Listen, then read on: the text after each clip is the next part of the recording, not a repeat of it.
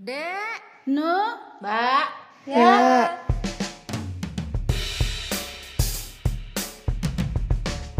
Halo guys. Hai Wan. Hai. Hari ini kita mau ngomongin apa nih? Bahas sesuatu yang deket banget sama kehidupan sehari-hari kita. Ya, COVID-19 pastinya, ya nggak sih? Iya, benar Yap. sekali. Stressful banget nggak sih kalian merasanya? Atau udah biasa? Banget. Banget sih. Hmm. Sampai sekarang pun Gua masih, masih, iya, masih belum sepenuhnya adaptasi gitu. Iya, dan apalagi kita kita mau ngomongin ini ya, hubungannya COVID-19 sama sosial media. Kita kan sosial media udah pasti Iya. lah ya, memang selalu selalu ada di kehidupan kita tanpa kita sadari bahkan selalu ada. Bahkan kalau misalkan bangun tidur pun gue biasanya langsung buka HP, lihat Instagram, lihat Twitter. Sebelum tidur gue juga Benar. langsung cek HP sebelum tidur terus tahu-tahu udah jam satu pagi gitu kan. Maksudnya jadi Bener benar-benar emang udah ada di ritual kita gitu. Mm-mm. Apalagi semenjak adanya COVID-19 ini ya, hidup kita makin gabut, nggak tahu harus ngapain sehari-hari selain megangin HP, cek sosmed. Kayak udah gitu habis gue ngeliat Instagram, gue habisin scrolling story orang-orang, habis ntar gue bosen gue ganti Twitter, habis itu gue ganti webtoon, habis itu gue ganti semuanya gue ulang-ulang terus itu doang gitu. Jadi kayak Sampai jam berlalu. Heeh, jadi kayak cycle gitu gak sih? Terus Gue tapi emang takut ini loh, gue sampai takut lupa gimana caranya apa berkomunikasi sama orang secara Nah. langsung gitu loh. eh tapi Karena bener sih. udah terbiasa gini. Bener sih. Gue takut aja ntar ketemu lagi di real life gitu. Misalnya gue udah balik lagi kuliah, kayak udah gitu bingung, awkward. Iya, kayak. Iya. Bingung. emang emang gue merasakan sendiri juga sih bener sih itu. Soalnya juga ini tuh kayak bahkan dibandingkan sama liburan yang biasa, ini lebih lama lagi Iya, udah, udah nyaris anjir, sampai setengah tahun sih. coy. Nah, saat pandemi COVID-19 mulai ini ya, penggunaan sosial media dan internet tuh bertambah banyak banget kan. Nih gue, ini nih, research nih ya. Wow. Jadi ada Iya. studi, di, ada studi di US gitu. Penggunaan sosial media di US tuh bertambah sampai sekitar kayak 46 sampai 51 persen semenjak pandemik dimulai. Kenapa gitu? Kenapa? Wow. Karena pertama ya orang pasti mulai kerja dari rumah kan. Jadi biasanya em, kalau misalkan istirahat lagi break pasti masih bisa ngobrol face to face sama pegawai lain gitu kan. Hmm. Sekarang sekarang ya nggak bisa ngobrol face to face.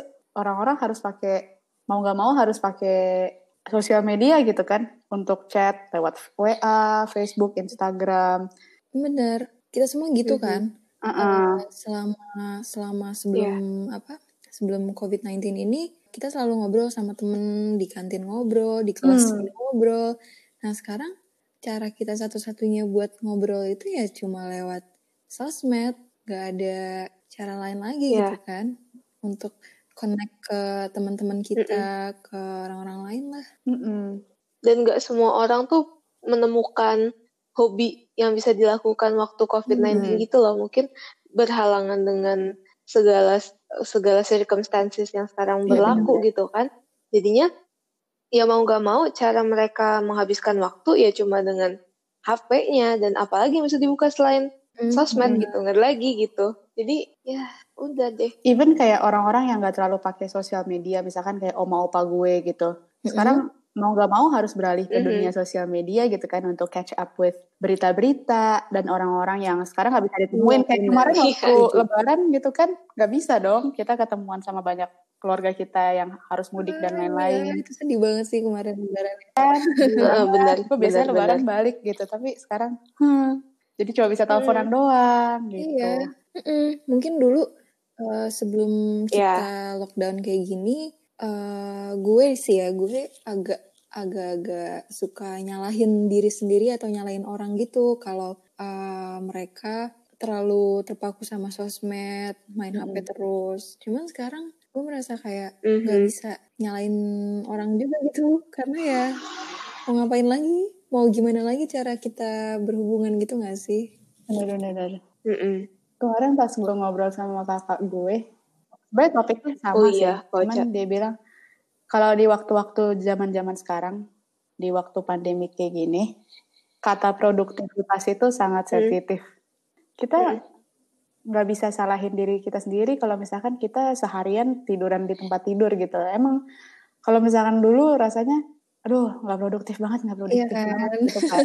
Nah sekarang ya mau gimana lagi? Kita nggak bisa ngapa-ngapain juga, walaupun kita udah kerjain semua kerjaan kita, tapi kita tetap harus di rumah dan nggak apa-apa. pro- Dan produktif itu nggak selalu harus membuat sesuatu, bisa aja kita melakukan yang masuk di otak gitu atau apa gitu nggak sih? Iya, benar. Sebenarnya yang bikin gue jadi agak gimana sama produktivitas itu adalah karena di saat ini tuh kita semua dipaksa eh, untuk stay di lingkungan yang sama Mm-mm. terus gitu kan. Misalnya gue, gue merantau.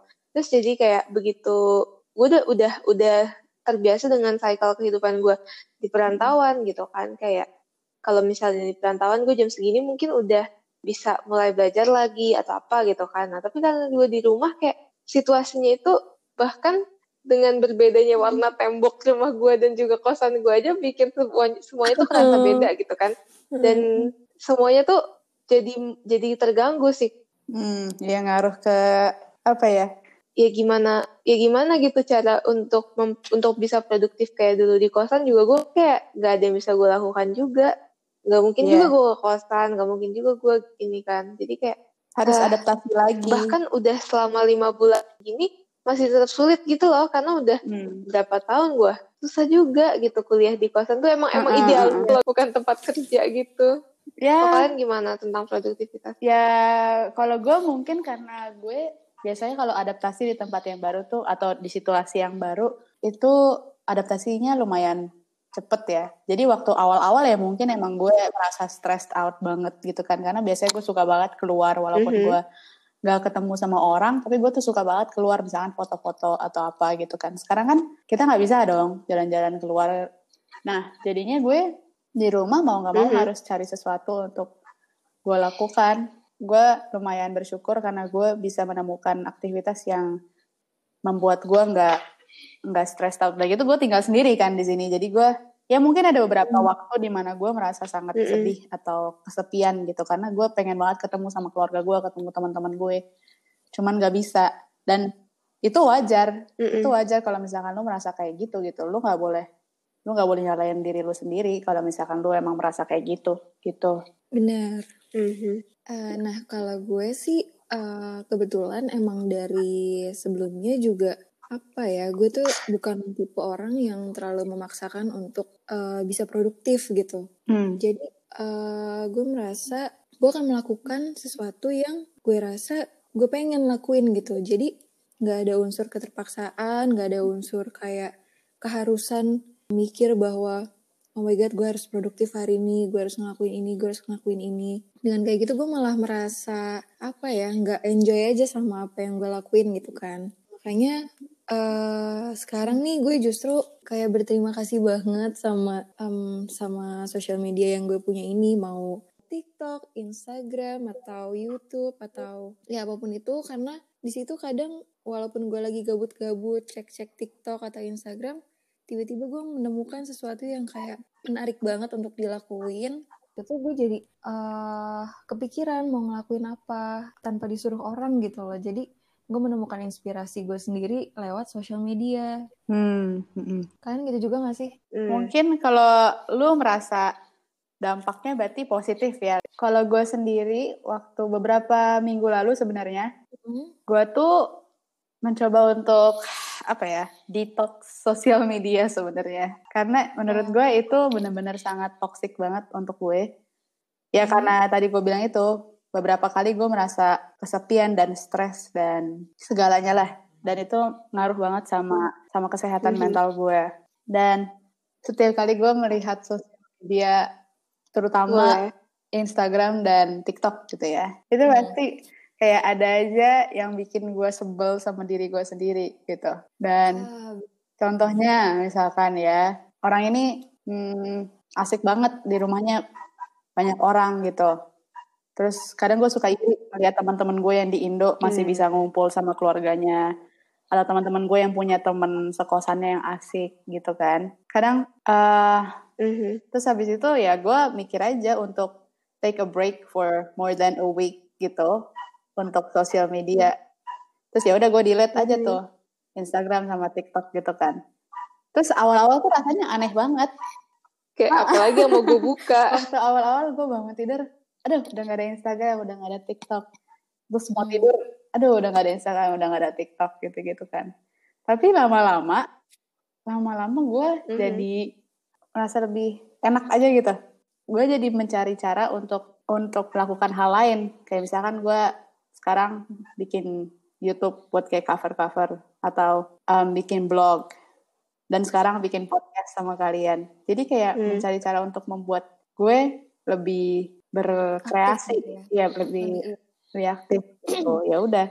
Terus Mm-mm. akhirnya kemarin gue download lagi di Instagram, tapi untuk untuk promosiin gitu kayak blog, YouTube, and my podcast gitu kan. Sekarang udah download lagi nih ya, dan gue nggak merasa butuh banget buka Instagram gitu. Mungkin karena udah kebiasaan dari yang detox itu. Jadi gue merasa bersyukur sih gue waktu itu mencoba untuk detox social media gitu. Karena sekarang untuk Mhm. jangka panjangnya mudah-mudahan gue nggak terlalu addicted lagi sama mereka gitu. Tapi jujur itu bagus sih, Dek. Maksudnya Hmm. setelah lu detox, eh, lu bisa mengurangi ketergantungan lu dengan sosial media, Hmm. meskipun sosial medianya tuh ada gitu. Jadi maksudnya lu nggak men- jadi kan lu bisa lu artinya lu udah bisa memilih gitu. Jadi kayak sekarang self control lu yang lebih bagus. Jadi bukannya bukannya sosial medianya yang lu hilangkan, tapi pengontrolan diri lu yang lu lebih baik Nah, ya lebih itu. Iya, bagusin iya, gitu benar-benar. yang bagus tuh seperti itu karena ada yang malah jadinya kayak detox media sosial secara berkepanjangan karena menurut gua nggak bisa juga kita hidup tanpa Iya. sosial media samsak gitu loh guys kayak kita ada beberapa yang kita dapat dari situ dan nggak nggak bisa kita tahu dari luar itu jadi kayak menurut gua untuk uh, orang-orang yang merasa intoxicated with social media cara yang harus dilakukan adalah itu dengan memperbaiki self controlnya bukan meniadakan Iya benar-benar. sosial benar, medianya benar, kayak gitu. Kalau dari kalau dari gue sendiri gue belum pernah nyoba Hmm. detox sosial media sih karena karena gue sama sosial media tuh kayak lempeng-lempeng aja Ya, gitu loh guys. Berarti Maksudnya kalian dia nggak terlalu ya udah berarti kalian gua- emang udah bisa mungkin emang udah Apa? bisa memfilter yang mana yang bagus sama yang mana yang jelek gitu. Kalau gue mungkin waktu itu bener-bener sampai bikin gue stres banget gitu loh. Jadinya gue harus istirahat dulu bener yang kata lu bilang mencari cara untuk self control gitu. Tapi jujur enggak sih. Maksudnya Iya. eh, gue selama ini juga pernah merasakan dampak-dampak negatif dari sosial media yang kena ke diri gue, tapi gue masih belum berani Mhm. untuk eh, meninggalkan atau melepas sosial media gue gitu. Hmm. Iya, jadi bukan Mhm. karena gue selama ini merasa baik-baik aja dengan uh, sosial media, tapi ya itu dia sih belum ada keberanian dan belum ada apa ya niatan gitu. Oh iya, apa yang membuat gak berani? Apa ya? Mungkin karena udah terbiasa ya. Mm-mm. karena udah terbiasa uh, setiap hari ada yang gue cek, ada ada yang gue update ke temen-temen. Jadi Mm-mm. rasanya Iya. kayak kalau nggak terpaksa misalnya tiba-tiba wifi mati seharian atau apa tuh ya kayak ada yang hilang aja gitu. Mm-mm, mm-mm. Ya setiap orang Hmm. beda-beda sih pasti menghadapi masalah yang kayak gini gitu ya. Mungkin kan gue seba- gue pernah cobain ya detox sosial media gitu. Itu Hmm. tapi itu gue nggak se ekstrim yang bener-bener gue delete Facebook, YouTube atau apa pun gue cuma delete. Gue cuma delete Instagram sama TikTok karena itu yang menurut gue biasanya nomor satu sama nomor dua sebelum gue tidur dan setelah gue bangun gitu kan. Jadi menurut Oke. gue nggak harus detox semua sosial media. Lu bisa mulai dengan satu atau dua sosial media yang paling lu tergantung gitu. Eh, Mm-mm. mungkin itu awalnya pasti susah. Tapi yang kayak tadi gue bilang, ntar lu kalau balik lagi rasanya gue nggak terlalu butuh Instagram gitu. Paling Instagram juga untuk cuma bales-bales chat atau gue nggak perlu kayak show off my my life gitu untuk orang-orang lain gitu loh dengan story story gue atau tapi kalau misalnya emang lu mau ya nggak apa-apa cuman kalau gue tuh menurut gue itu nggak perlu gitu kalau buat gue gitu kan Mm-mm. Gimana. Joy? Sanggup kira-kira? Aduh, aplikasi terbaik Iya gue? Instagram lagi. TikTok sih sekarang. Aduh. nah, itu kan pengalaman gue ya guys gimana kalau kalian coba Hmm. Oh iya, buat yang belum tahu nih, Denumba tuh juga ngerencanain guys. Jadi setiap minggu kan kita bikin challenge. Jadi mungkin ini Oh, buat juga, challenge pertama bisa. kita kali ya. Mungkin. Wow, challenge pertama aja udah berat nih bagi gue. Ah, Mm. Wah, gue juga kill berat banget kill. Tapi ini ya, gue gue ngomong kayak gini bukan berarti social media itu jahat atau apa ya, sangat negatif gitu ya guys. Enggak, cuman gue cuma pengen coba aja. Ini kayak social eksperimen aja guys. self control kita juga Benar. gitu sih. Iya. Iya, lebih ke Jadi untuk percobaan. orang-orang di luar sana misalkan yang influencer atau emang mereka emang mereka jobnya harus pakai social media, ya jangan merasa kalau misalkan social media itu negatif ya. Mm-mm, Enggak sama sekali kok. Mm-mm. Nah balik lagi nih ke challenge kita. Jadi nggak nih challenge-nya? Eh, jadi Mm. kan kita sepakat ya dari awal kalau ada challenge gini dilakuinnya seminggu ya. Mm-mm. Berarti sekarang juga kita social media detox Iya, seminggu. sama tujuh hari. Iya. Deal? Deal, Oke. deal, deal, deal, deal. Berarti gue Instagram Iya. aja ya. Iya. Berarti di next episode kita bakalan update gimana setelah kita ngelakuin challenge ini dan mungkin akan ada next challenge lagi. Bisa jadi. Minggu depan Bisa kita bakal jadi. ngomongin topik yang berbeda lagi ya. Thank you for listening. Yay, bye. Bye.